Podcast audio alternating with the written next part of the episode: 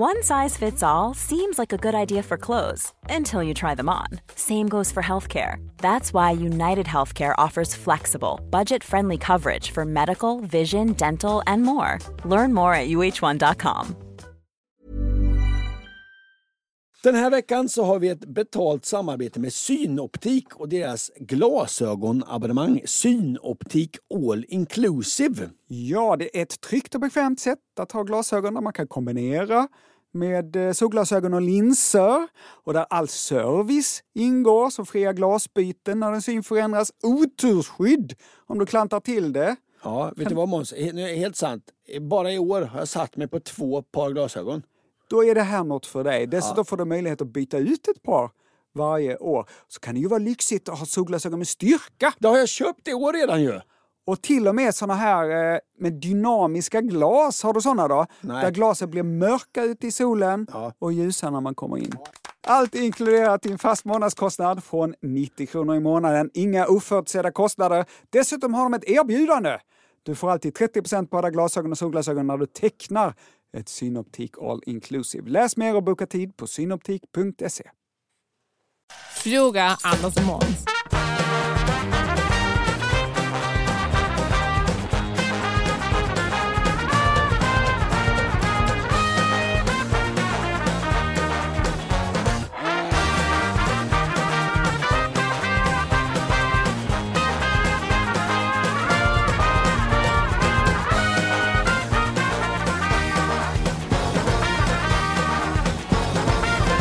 Tjena hej och välkomna till Lördagsvibb med Hallojsan och Biancan. Hej du eh, Andy, du förra veckan Ja. så um, hörde du av dig till en teater, eller bad dina agenter höra av sig till en teater Ja. och fråga om du i egenskap av kändis Jaha. kunde få komma gratis. Ja, så gjorde jag. Hur gick det? Det gick jättebra. Och då eh, är det väl eh, så att man bör liksom gå ut och berätta om den här teatern i sociala medier och så. Just det, så att de får valuta för gratisbiljetterna. Ja, precis. Det är inte därför. Det var en helt fantastisk föreställning. Du kan rekommendera teater. Lazarus var det jag sa på Göta Lejon. Lazarus, är den här hjärnan i en... eh, David Bowie-musikal. Som han Ja, skrev ja, ja. precis innan han dog. Fantastisk. Jag förstod ingenting. Men det var en fantastisk upplevelse. Var det musik med? Jättemycket musik. Vad bra, en David Bowie-teaterpjäs helt utan hans musik. Det hade kanske varit sämre. Vad har hänt dig sen sist? Eh, vi spelar in podd här idag. Efter det vi har gjort det, då ska jag åka till Stockholm. Återigen med tåg och du och jag, kanske främst, har ju tjatat om det här med tåg. Det har vi. Framförallt då om SJs koncept Lugn Coupé. Alltså idén om att man inte längre har tyst utan man får prata i lugn samtalston. Och du och jag har ju försökt jobba på att man ska återföra tyst kupé. I vår Facebookgrupp kom i veckan upp ett skräckexempel. Jag ska läsa. Det är en Magnus som har åkt eh, tåg från Norrland till Stockholm. Och han skriver bara kort. Detta var en ny nivå. Sen har han lagt upp en bild. Det är två eh, sådana här tågsätten. På ryggstödet ser man tydligt symbolen som visar att här ska vara tyst. Alltså en man som kyssar så här. Som har fingret framför munnen, för det där såg ingen annan. Vad du det. gjorde. Fingret framför munnen Ja. som i lugn kupé, att det ska vara tyst. I ett av sätena sitter en ung man och spelar gitarr. Om man överhuvudtaget får för sig att spela gitarr på tåget. Ja, men om man gör det i lugn kupé, då är man per definition lite dum i huvudet. Han kanske spelade More than words. Han kanske Den spelade är väldigt, lugnt. väldigt låg. Ja. Lugn. Det är väldigt... Mitt, mitt misstag, mitt misstag. Han har såklart det att göra om man spelar lugn musik. Jag säger igen, återinför tyst kupé. Måns, vad har hänt dig sen vi sågs? Ja, men jag har goda nyheter. Jaha, vad trevligt. Även i år så kommer det bli vår. Jaha, det har ju redan så- blivit har jag hört. Jaså, ja. men kanske meteorologiskt. Men länge såg det mörkt ut. För bara några veckor sedan så kom jag eh, själv på mig att uh, misströsta. Och ännu är det långt kvar, även här i Skåne. Men igår var det ljust till klockan fem. Va? Och när solen sken så var den, om inte varm, så ljummen. Vi klarade av februari, den äckligaste månaden, och nu är vi på upploppet mot våren. Åtminstone här i Skåne, ni i Kalix har väl ett halvår kvar. Men nu vet ni i alla fall att våren inte har gett upp. Nej. Så jag hoppas ni kan uppskatta detta lugnande besked. Och sen, i veckan har jag också varit med i japansk tv. Va? Och pratat om antikviteter. Du har varit med på Du har också varit med i Utbildningsradion sa du innan.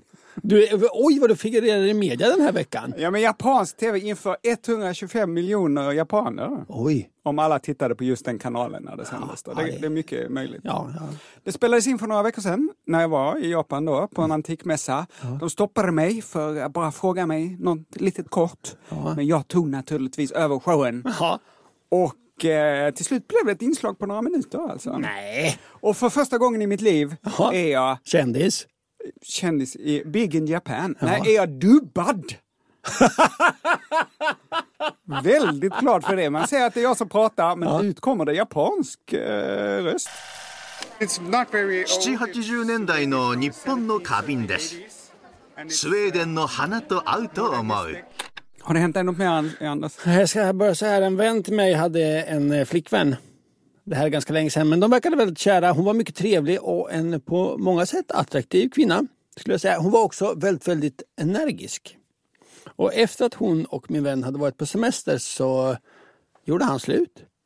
Och motiveringen var, jag kan inte vara ihop med någon som gör att jag är tröttare när jag kommer hem från min semester än när jag åker. Och det låter ju rimligt. Nu har jag haft sportlov. Jag har varit på skidsemester med mina barn. Mm. Mm. Jag och mina två döttrar åkte till fjällen. Några saker om att åka till fjällen, förutom att det är dyrt och att det är väldigt långt. Man blir också tröttare när man kommer hem än när man åkte till fjällen. Alltså jag har kört, jag har fixat eh, pjäxor, jag har lagat lunch, jag har varit snowboardlärare, jag har lagat jackor, jag har torkat vantar. Det är ett konstant jobb att vara på semester i fjällen. Men det var väldigt, väldigt roligt. Jag har gillat det, jag kommer göra det igen. Man jobbar skiten ur sig, men det är liksom en rolig grej. Och jag tänker om min vän hade sett på sitt förhållande lite mer som en rolig grej. Att han var pappa till sin, sin flickvän? Nej, att det var mer att han tjej var mer en... Ett att, barn? Det, nej, deras förhållande var mer en rolig grej. En, en romantisk relation. Aha. Då hade de kanske fortfarande varit ihop. Mm. Det var inte det jag skulle prata om. Men när jag åkte till fjällen. Alltså det är ju så här att eh, man rekommenderar ju ofta till exempel en tv-serie. Jag kan inte rekommendera True Detective senaste säsongen. Nej. Herregud vad dålig. Oj, ja. det var hårda ord. Ja, jävla apelsiner som rullar fram och Nej, grejer. usch, det vill vi inte se. Nej. Nej. Men man rekommenderar ju generellt ofta typ tv-serier, man rekommenderar ja, restauranger och sådana grejer. Ja, ja. Det är sällan man rekommenderar en riksväg. Och det är det jag vill göra nu. Du vet Måns att jag har ju turnerat det här landet i ett och ett halvt år. Jag har åkt på riktigt tre fjärdedelars varv runt jorden. Fast jag inte åkt runt jorden utan jag har åkt mellan orter som Skövde, Bollnäs, Vetlanda, fram Kalmar. Och tillbaks, fram och, och tillbaks, hit och dit. Oj, oj, oj. Ja, men en riksväg hade jag missat. Riksväg 84, sträckan mellan Bollnäs och Sveg. Oj, oj, alltså till Bollnäs, ja det hade jag kört. Från Sveg vidare norrut, absolut kört. Men nu körde jag 84 mellan Bollnäs och Sveg.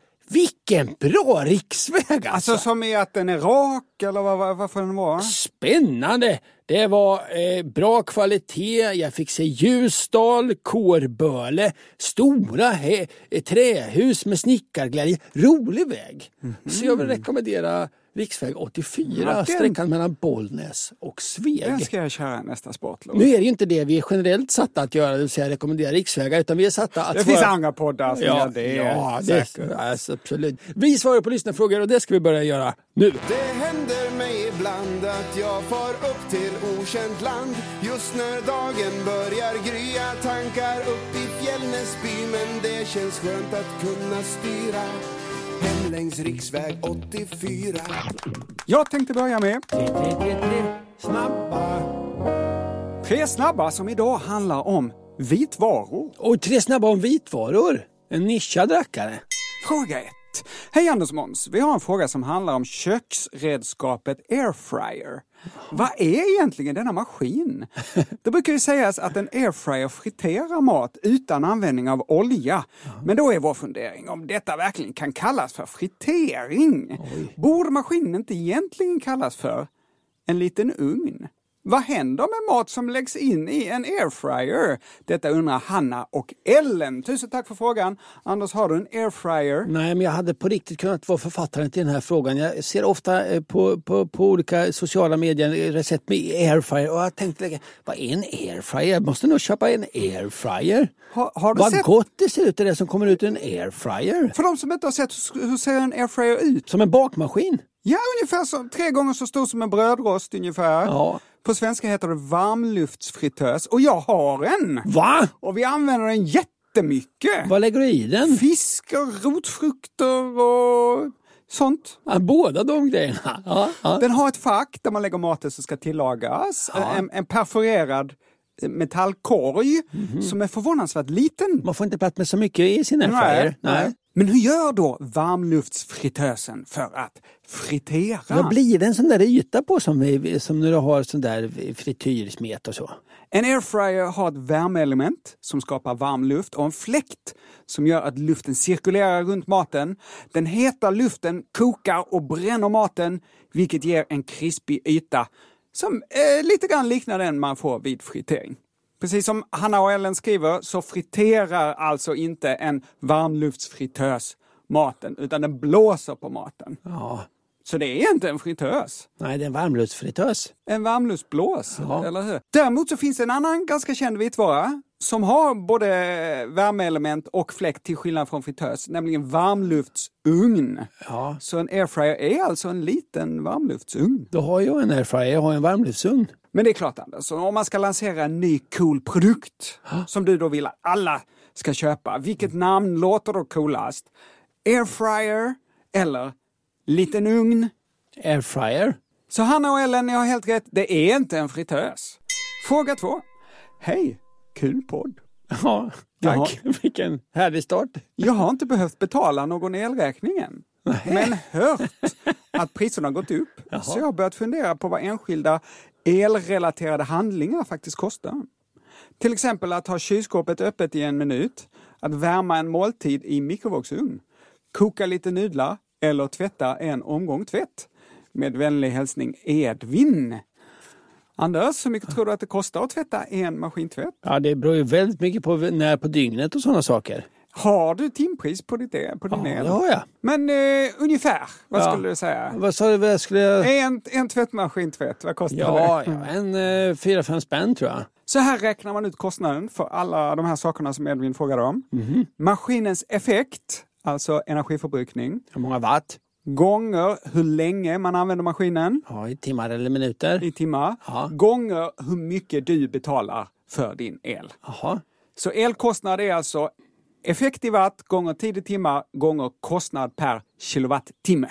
Så vad det kostar att tvätta en maskin, tvätt beror alltså på vad du har för maskin, hur långt program du kör och vad du betalar för din el. Men man kan säga att i genomsnitt så kostar det eh, mellan 50 öre och 2 kronor att tvätta en maskintvätt. 50 öre?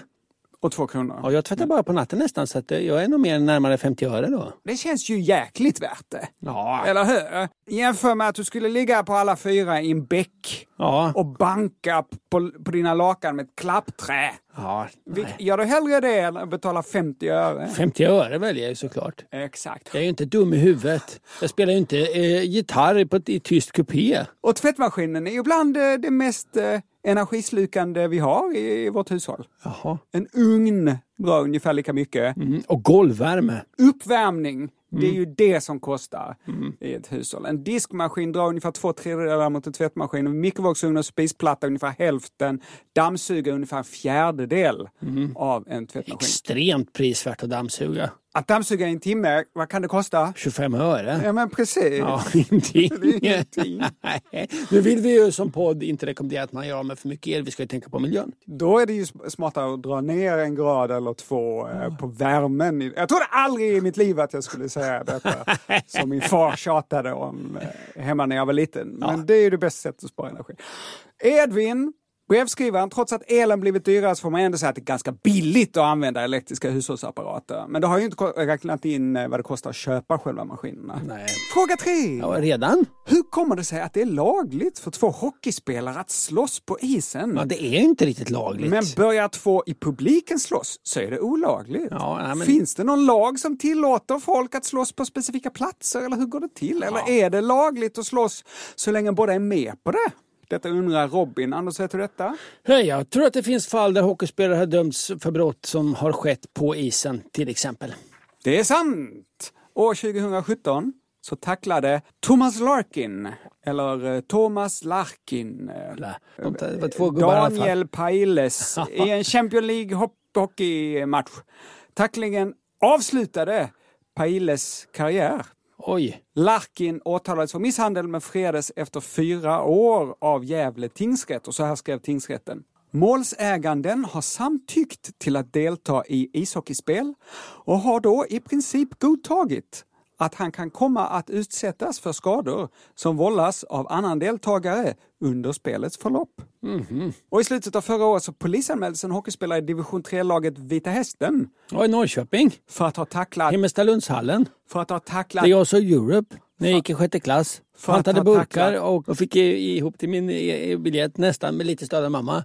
För att ha tacklat Ja. en domare Ja. under en match. Ja, det får man inte. Förundersökningsledaren Marcus Hoppe säger till NT, han trodde först att det var en olyckshändelse, men säger citat, efter att ha sett klipp från incidenten så valde han att polisanmäla, det är inte han som har sagt detta, det är någon annan, Eh, att polisanmäla eftersom han inte tyckte det såg ut som en olyckshändelse och händelsen utreds nu som misshandel, Håll, hålls fortfarande på. Så brevskrivaren Robin, nej! Man får inte göra vad som helst i en hockeyrink. Men domstolarna verkar tycka ungefär som min hundraåriga lågstadielärare Astrid brukade säga till oss. Har man gett sig in i leken får man leken tåla. Klassiker. Det här var tre snabba! Jag vill bara säga angående, angående att bråka i hockey. Jag har ju spenderat eh, flera veckor på en liten, liten båt över Atlanten med eh, Peter Forsberg. Har han ärr i hela facet? Han berättade för mig att när han spelade i, i, i Colorado så hade de en snubbe som, som, han fick alltid spela några sekunder i början på matchen. Och sen var hans uppgift att under hela matchen stå och skrika in smädelser till i motståndarens bås.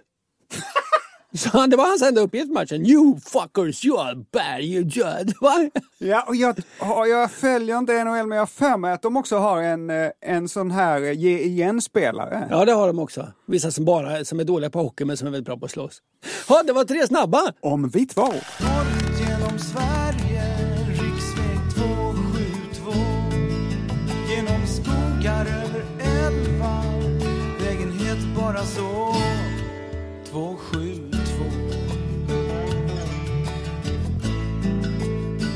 Riksväg 272 Nästa fråga kommer från Jocke. Hej ni visa och roliga. I Torssons låt Prova lyckan nämns flera sätt att tjäna pengar på. Ja, vi kan väl lyssna. Pengar så kan man samla lugn.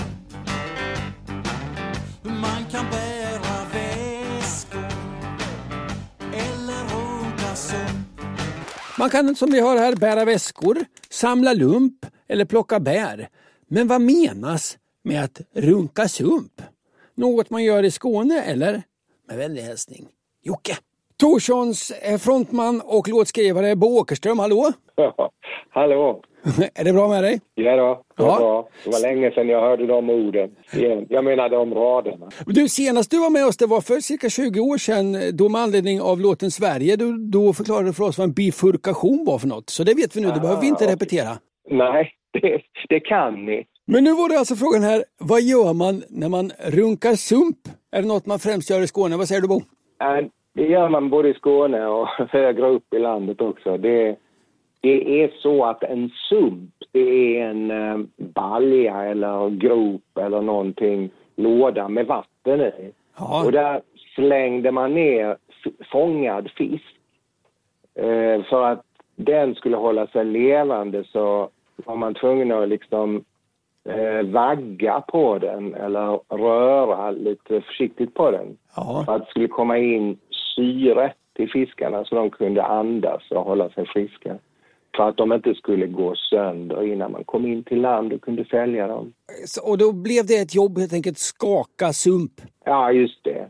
det man fick lite betalt för det. Det var ju ett, ett väldigt lågkvalificerat jobb så att man, man säger också att om det är en person som är lite dum i huvudet så kallar man den för rumpsunkare. Ja, Eller sumprunkare. Ja. ja, just det. Det jobbet är nog automatiserat nu för tiden. Ja. Eh, det här var ju solklara besked. Eh, då hörs vi igen om det. tar väl 20 år till någonting, runt 2044. ja. ja, men ring bara på eftermiddagstid. Ha en fin dag. Okej, okay, detsamma. Hej då. Hej. Om man vill tjäna pengar så kan man samla lugn.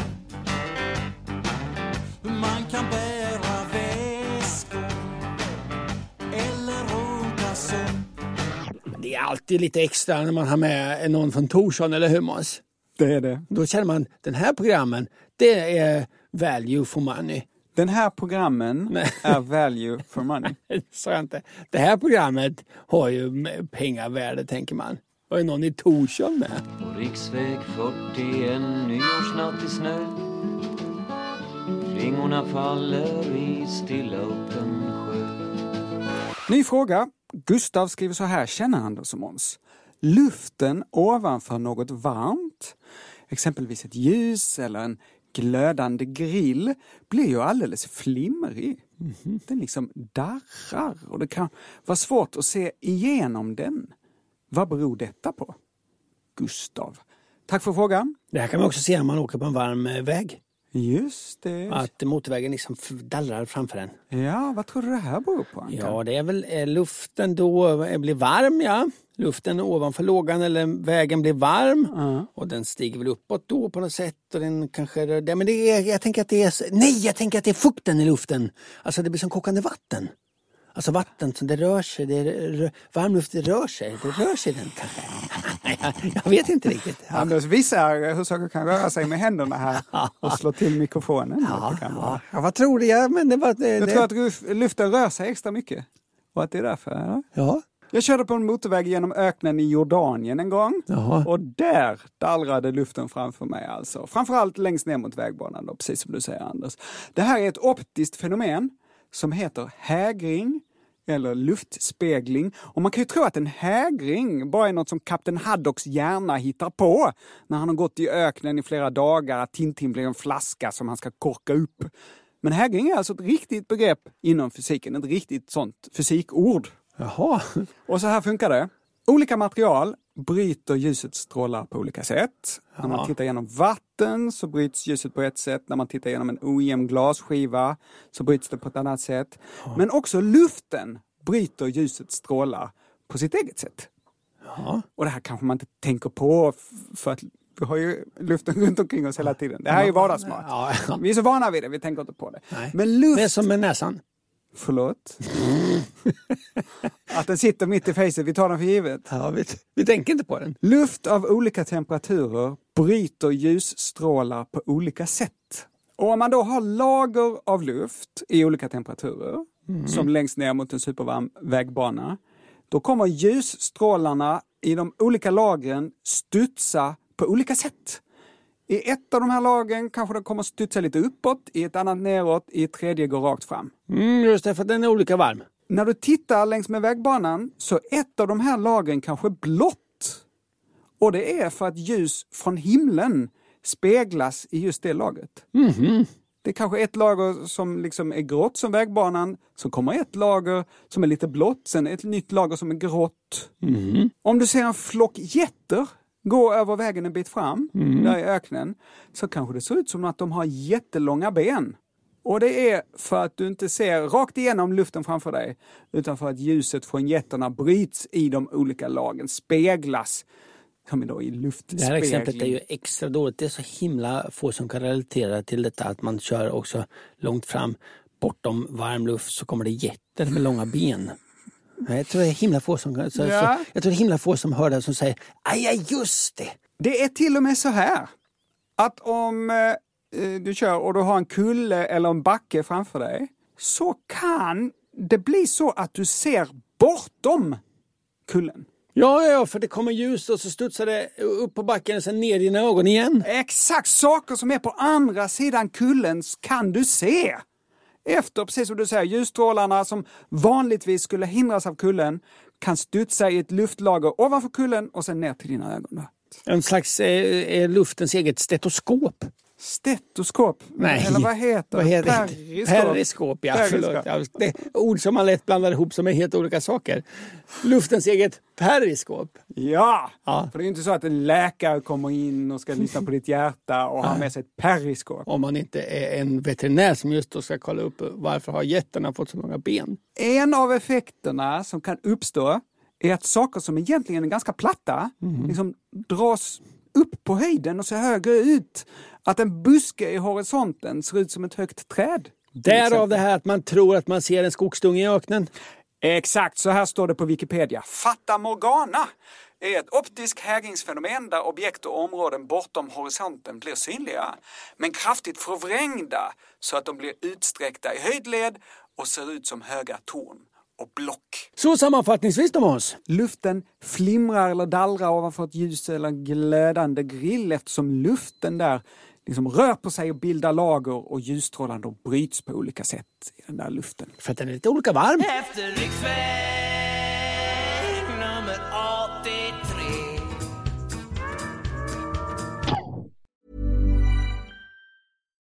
Why don't more infant formula companies use organic, grass fed whole milk instead of skim? Why don't more infant formula companies use the latest breast milk science? Why don't more infant formula companies run their own clinical trials? Why don't more infant formula companies use more of the proteins found in breast milk? Why don't more infant formula companies have their own factories instead of outsourcing their manufacturing? We wondered the same thing. So we made ByHeart, a better formula for formula. Learn more at byheart.com. A lot can happen in three years, like a chatbot may be your new best friend. But what won't change? Needing health insurance. United Healthcare Tri Term Medical Plans, underwritten by Golden Rule Insurance Company, offer flexible, budget friendly coverage that lasts nearly three years in some states. Learn more at uh1.com. Quality sleep is essential. That's why the Sleep Number Smart Bed is designed for your ever evolving sleep needs. Need a bed that's firmer or softer on either side? Helps you sleep at a comfortable temperature? Sleep Number Smart Beds let you individualize your comfort so you sleep better together. JD Power ranks Sleep Number number 1 in customer satisfaction with mattresses purchased in-store. And now, save 50% on the Sleep Number limited edition Smart Bed for a limited time. For JD Power 2023 award information, visit jdpower.com/awards. Only at a Sleep Number store or sleepnumber.com. Vi är tillbaka och dags för... Pling, Pling. pling,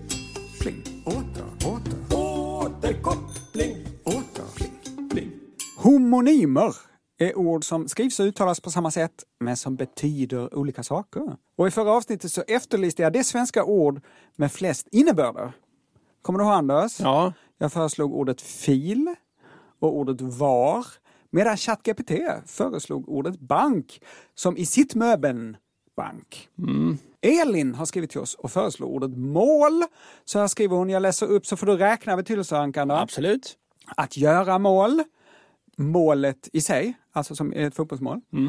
Mål med uppgift, brottmål, måltid, just det, m- mål. Ett mål mat, absolut. Ja. Ja. Mål som i dialekt eller språk och mål som mätenhet. Och här tänkte jag att Elin kanske blandat ihop det med mol. Men mål är någon gammal synonym för volymmått. Hur mycket var det då? Sju. Dan skriver så här, hej knoll och tott. Ordet sticka har ganska många betydelser. Räknar du Ankan? Ja. En liten vass träpinne, Ja. en metallpinne att tillverka saker av garn med Ja, just det. när man stickar. Ja. Hur mycket är vi uppe i? Två. Ja. Att, att, att tillverka av garn något. Ja. Att sticka. Ja, det är tre. Just Det är tre. Ja. Ge ett stick, till exempel med en nål. Ja, att sticka någon, Att ja. sticka. Ja. Att stoppa in, föra in. Ja, sticka in, ja. Ja, det är lite som förra kanske. Ja. Att ge sig iväg, smita. Ja, Och, sticka. och, s- och så skriver Dan, och även USB-minne. Ja, en sticka ja. Och så skriver Dan, det blir minst åtta betydelser. Ja, sju bara. Och så här skriver Erik, ordet med flest betydelser i svenskan måste väl vara pass? Pass ja. Det kan betyda, räkna nu Anders, Ja. en identifikationshandling, Ja, ett pass mellan två berg, Mm. en gångart, ja passgång ja. ett kast med en boll till en annan person eller spark ja en boll. Är man passar så är det ett pass, en pass. Ja. Just det, att stå över till exempel vid kortspel. ja, man säger pass. En tid, typ arbetspass, träningspass. Just det. Att sitta på pass och vakta. Ja, det måste väl vara samma sak va? Som, som ett pass. eh, Det måste vara samma sak. Nej, att sitta på pass. Ja, sitta på pass. eh, Det, men det är båda eh, samma, att man har en, ett pass av tid. Ja. Och eh, avslutningsvis här, så pass eh, kan man just säga för att det är en tillräcklig mängd av något. Så pass. Ja. Så, så pass, detta skriver alltså Erik. Hur mycket är vi uppe i? Det var åtta, men jag tar bort en så han fick också sju. Det var två, ett, ett pass och ett pass, det var samma sak. Herregud Anders, Ja. jag tänkte att vi skulle kunna kora en vinnare Jag har här. tre stycken med sju. Du sabbar. Nej. Nej, då får vi köra detta en vecka till alltså. skickar in ord med många betydelser så ser vi vem som vinner Sveriges mest användbara ord. Jag har återigen lyckats reta upp folk. Jaha. I förrförra avsnittet så pratade jag om polydaktyli. Alltså födas med fler än fem fingrar eller tår. Jaha. Och jag nämnde att katter som föds med den här missbildningen brukar kallas skeppskatter och att det är olagligt att avla på dessa. Atta, nu var det någon som man börjar prata katter är man ute på hal is alltså. Nu har administratören i Facebookgruppen Skeppskatternas vänner Aj då. hört av sig. Upprepade gånger. Första brevet börjar så här. I senaste avsnittet hävdade Måns att polydaktyla katter är missbildade och att det är därför olagligt att avla på skeppskatter. Detta är fel och en vanligt förekommande lögn. Det är Sverak som hävdar detta och där får jag bryta lite. Sverak det är alltså Sveriges kattklubbars riksförbund som för stambok över de svenska raskatterna och som citat jobbar för att höja kattens status i samhället. Mm, Enligt dem själva då eller? Jag fortsätter läsa brevet.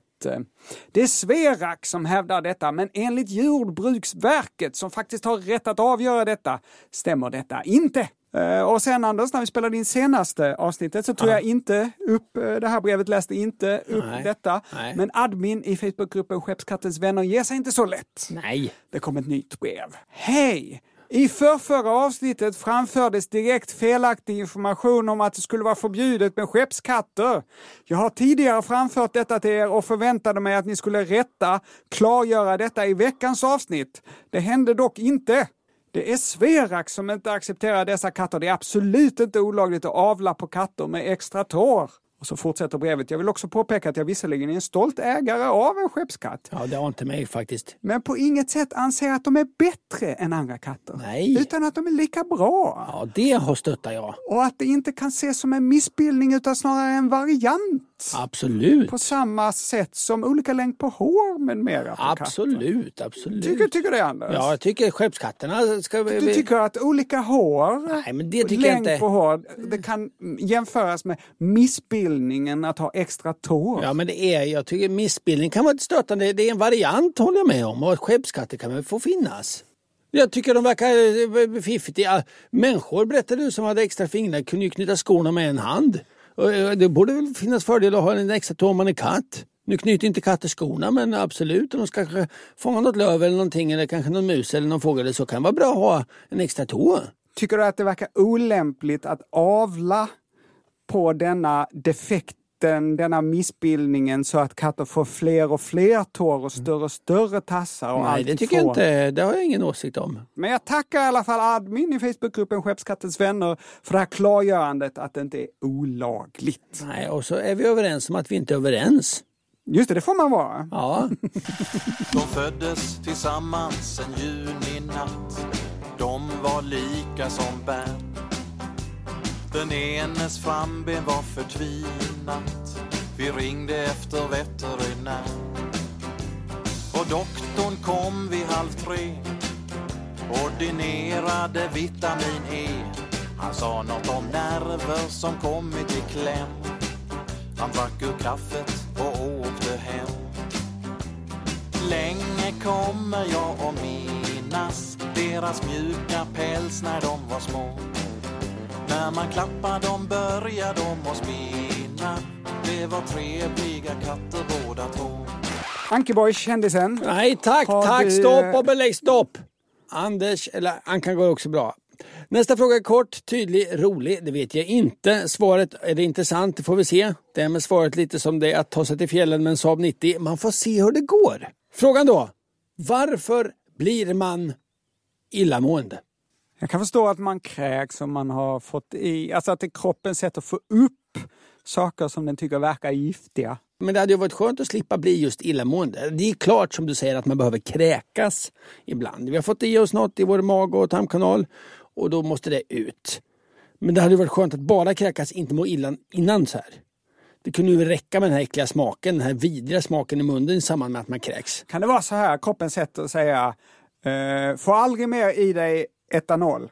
Kanske någon typ av varningspling i örat hade varit bättre tycker jag. Att man på morgonen tänker så här, jag ska aldrig mer få i mig etanol. Det plingar så fasligt i örat. Ja. Det tycker jag hade varit bättre. Eller att man kanske rapade ljudligt istället för att må illa. Alltså innan man alltså någon form av varningstut. Ja. Det är bra inte bara för en själv utan också för ens omgivning. Han tutar, han kanske kommer kräkas. Bäst att jag backar lite. Smart. Varför mår man illa? På Karolinska institutets hemsida så finns en eh, ganska lång artikel i det här ämnet. Lennart Svensson heter han som forskar i saken. Han säger citat. Idag vet vi inte riktigt hur kropp och knopp pratar.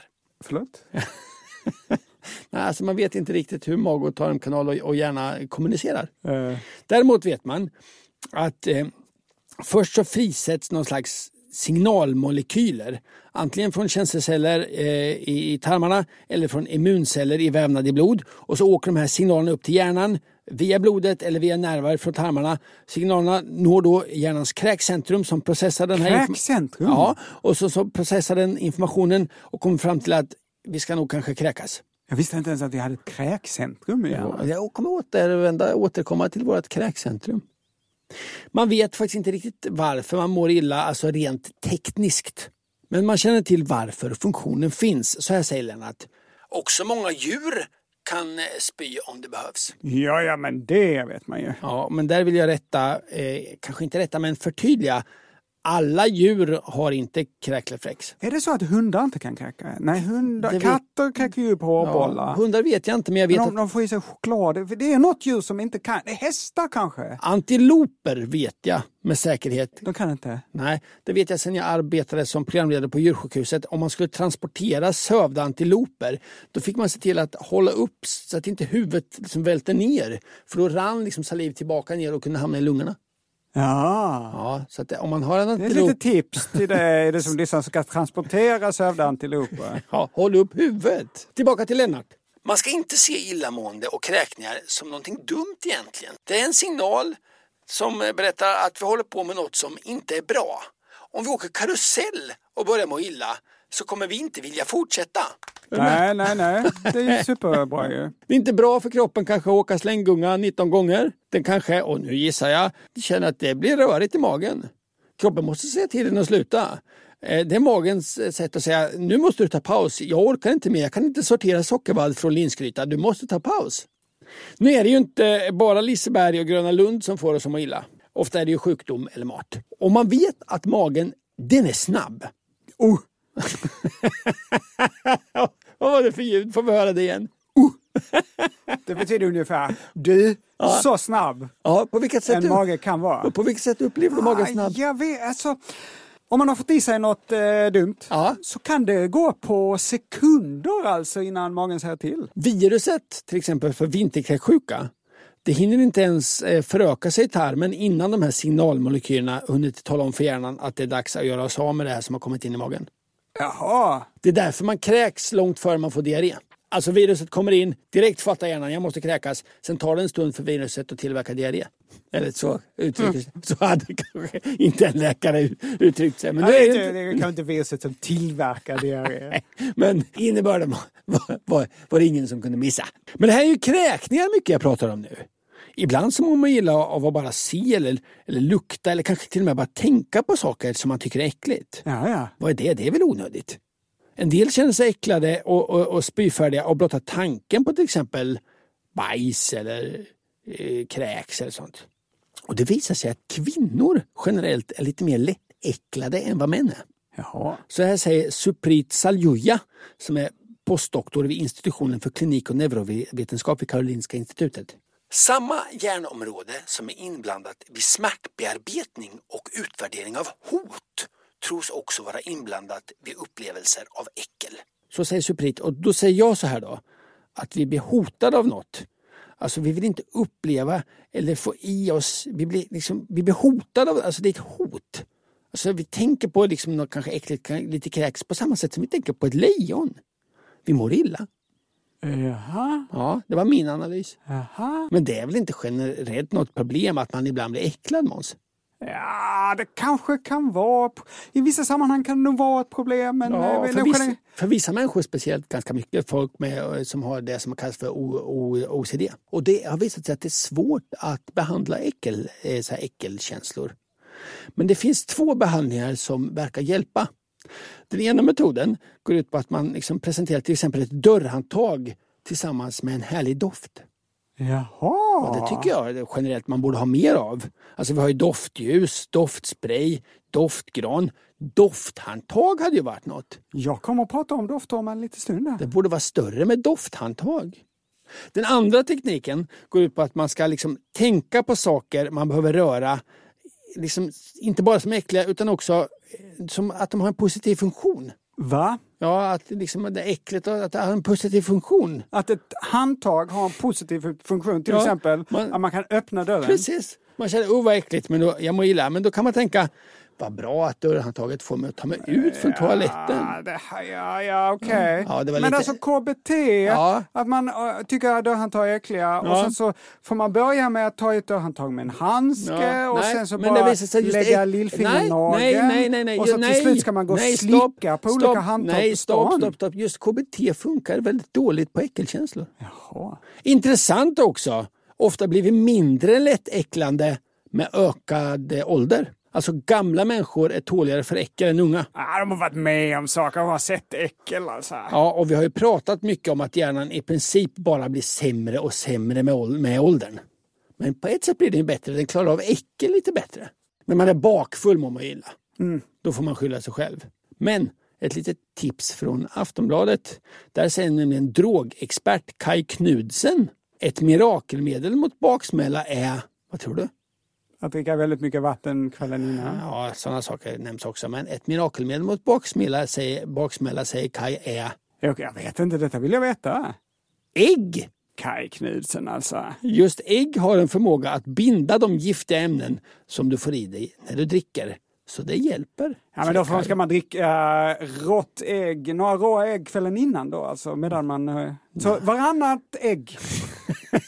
Om du är ute på krogen, ja. dricker drinkar, varannan ja. GT, varannan varannat var, ägg. Nej, varannan, var, var tredje GT, var, var, var tredje är vatten och, och var tredje ägg måste det bli. Så sammanfattningsvis, illamående är en evolutionärt utvecklad varningssignal. Om du är bakis, ät ägg. Och i samma andetag, ännu slår ett hjärtas på riksväg 33, där åker jag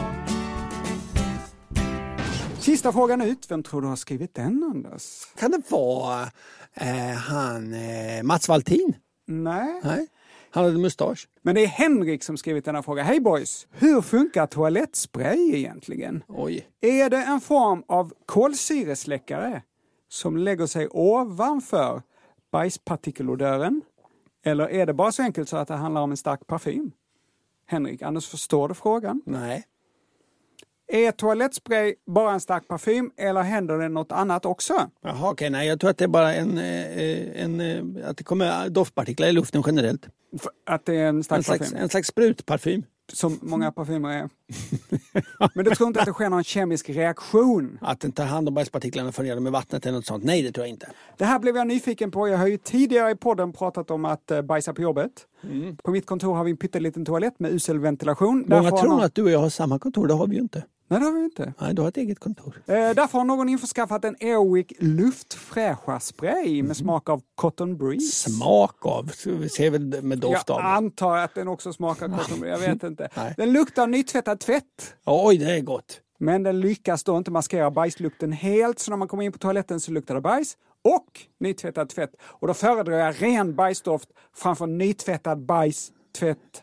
Doft. Men nog skulle man kunna tänka sig att man sprutar ut liksom en kemikalie som reagerar med eh, doftpartiklarna i luften, luktpartiklarna i luften som luktar illa och bildar ett ämne som inte luktar alls. Mm, Det kan man tänka sig. Finns det, Anders? Ja, det finns det säkert. Det finns ju tändstickor. Jag kommer ihåg att jag läste en artikelserie som liten. Journalisten bad kändisar tömma sina fickor Nej! och berätta om prylarna som de alltid bar med sig. Jaha. Det låter som en ganska dålig idé, Ja. men jag minns fortfarande texten om Börje Ahlstedt. Han hade tändstickor med sig. Börje Ahlstedt sa i alla fall så här i artikeln att när han bajsade på Dramaten Mm. så brukade han tända en tändsticka för att få bort lukten. Ja, det är många som gör det knepet. Och det här har fascinerat mig ända sedan jag var åtta år gammal och läste den här artikeln så har jag funderat på huruvida det var doften från tändstickan när den tänds som maskerade Börje Ahlstedts eh, bajslukt eller om det var elden i lågan som liksom brände bort den metangas som fanns i rövarhövdingen Mattis fisar. Och igår, alltså efter 40 38 år så kollade jag upp det här äntligen. Ja. En fis består framförallt av koldioxid, kvävgas och var, när du metangas. var liten så fanns ju inte internet på det sättet. Nej. hitta den här faktan i en uppslagsbok måste varit väldigt, väldigt bökigt. Ja, man fick helt enkelt... Eh, Ringa universitetet. Man, man fick använda den, den tidens Google att fråga en kompis. Mhm, Just det. En fis innehåller eh, koldioxid, kvävgas och metangas. Ja. Men ingen av dessa gaser luktar någonting. Metan luktar väl? Nej, men en fis innehåller också mycket små mängder, men potenta mängder svavelföreningarna vätesulfit och metantiol. Alltså metantiol, alltså med gaser. Ja. Och hur är nu minnesregeln då, Anders? Mm. Sulfit? Luktar skit eh, och sulfat luktar mat fast tvärtom. Ja, men hur är det då med sulfid, vätesulfid? Ja, det, den känner jag inte till. En minnesregel. Sulfid luktar ruttna ägg. Ja. Det är dessa svavelföreningar som gör att avföringen luktar illa. Ja. Men hur är det då? Tar tändstickans eld bort dessa svavelföreningar? Svaret är Nej. nej. Lågan bränner inte bort dessa gaser. Det enda som händer när man tänder en tändsticka på toa är att det bildas svaveldioxid. Och det är det där som luktar så gott när man tänder en tändsticka. Gott och starkt. Ja. Svaveldioxid luktar så starkt att det maskerar lukten. Det är som ett litet doftljus helt enkelt. Ja. Men finns det då någon produkt som inte bara maskerar lukten utan reagerar med svavelföreningar som luktar illa och tar bort lukten? Så här står det på den där luftfräscharen eh, som jag har på jobbet, Airwick Cotton Breeze. en doftspray som eliminerar lukt och fräschar upp. Och enligt Svensk ordbok så betyder ordet eliminera fullständigt avlägsna. Den upplevelsen delar ju inte du. Nej men det här kan man ju bara tolka som att doftsprayen tar bort lukten. Även om min upplevelse inte säger det så kanske det är det den gör. Den kanske tar bort lukten. Hur går det här till? Vilken kemisk reaktion? Jag har googlat mig blå. Jag satt över tre timmar och försökte hitta svaret på det här igår. Men hittade inte förklarat någonstans. Det kan ju också vara så att Airwick eh, använder lite stora ord på sin förpackning. Så kan det vara. Det här tar jag med mig från Airwicks FAQ, alltså Frequently Asked Questions. Eh, Den här meningen. Du ska inte spraya direkt på djur. och framförallt inte på antiloper. De har ingen kräkreflex. I teorin borde en doftspray kunna innehålla ett oxidationsmedel som till exempel väteperoxid som då reagerar med de här gaserna, de här svavelvätena och omvandlar dem till vatten och svavel. Vilket skulle neutralisera den obehagliga lukten. Men i praktiken så är väteperoxid, vad, är, vad gör det för något Anders? Ja, sticker i näsan kanske. Det bleker. Ah. Det är det man bleker hår med till exempel. Så om man skulle spraya det i en rum så skulle man få fläckar. Ja, eller jättesjaskiga tapeter. Ja. I morse så ringde jag då till Airwicks kundtjänst och frågade. Och hon som svarade var supertrevlig. Ja, ja, ja. Ja, men hade såklart ingen aning om det här. Så hon skickade mig vidare inom organisationen och bad någon annan återkomma till mig per mail. Eh, och nu har det gått eh, två timmar. Ännu har ingen svarat. Nej, men då har vi ju en eh, cliffhanger. Ja, vi får se om de svarar. Annars får jag ringa och tjata. Alla kan hjälpa till. Här är mitt ärendenummer i deras kundtjänst. RB 000 402 8985. Men vi ger det några, några timmar först. Ja, det gör vi. Så brevskrivaren Henrik, jag Ja. ber om att få återkomma i ärendet. Och du som lyssnar, om du är expert på detta, skriv till Fraggan snabel andersochmans.se.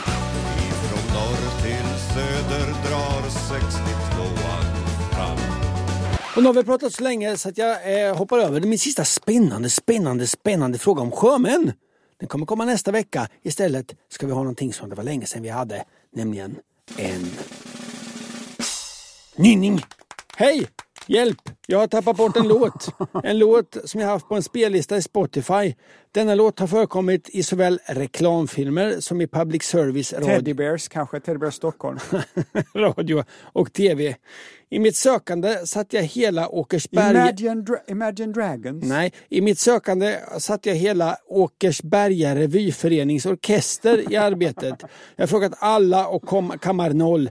Vi har spelat våran klarinettnynning för appar som identifierar låtar helt förgäves. Ni är vårt sista hopp. Snälla hjälp oss. Förhoppningsfulla hälsningar Olle och Anton. Såklart ska vi hjälpa Olle och Anton. Vad är det här?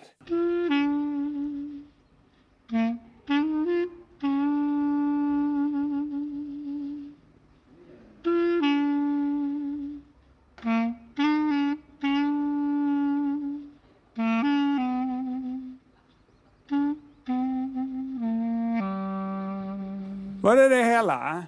Ja. Spela den i dubbel hastighet om du kan. Ja, Okej, det kommer här.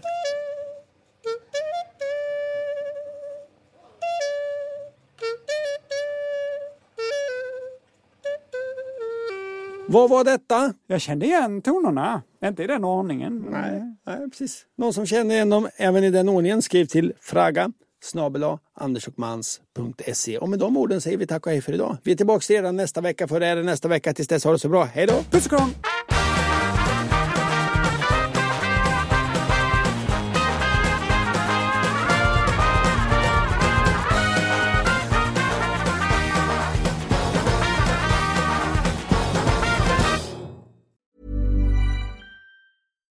Even when we're on a budget, we still deserve nice things. Quince is a place to scoop up stunning high-end goods for 50 to 80% less than similar brands. They have buttery soft cashmere sweaters starting at $50, luxurious Italian leather bags, and so much more. Plus, Quince only works with factories that use safe, ethical, and responsible manufacturing. Get the high-end goods you'll love without the high price tag with Quince. Go to quince.com slash style for free shipping and 365-day returns.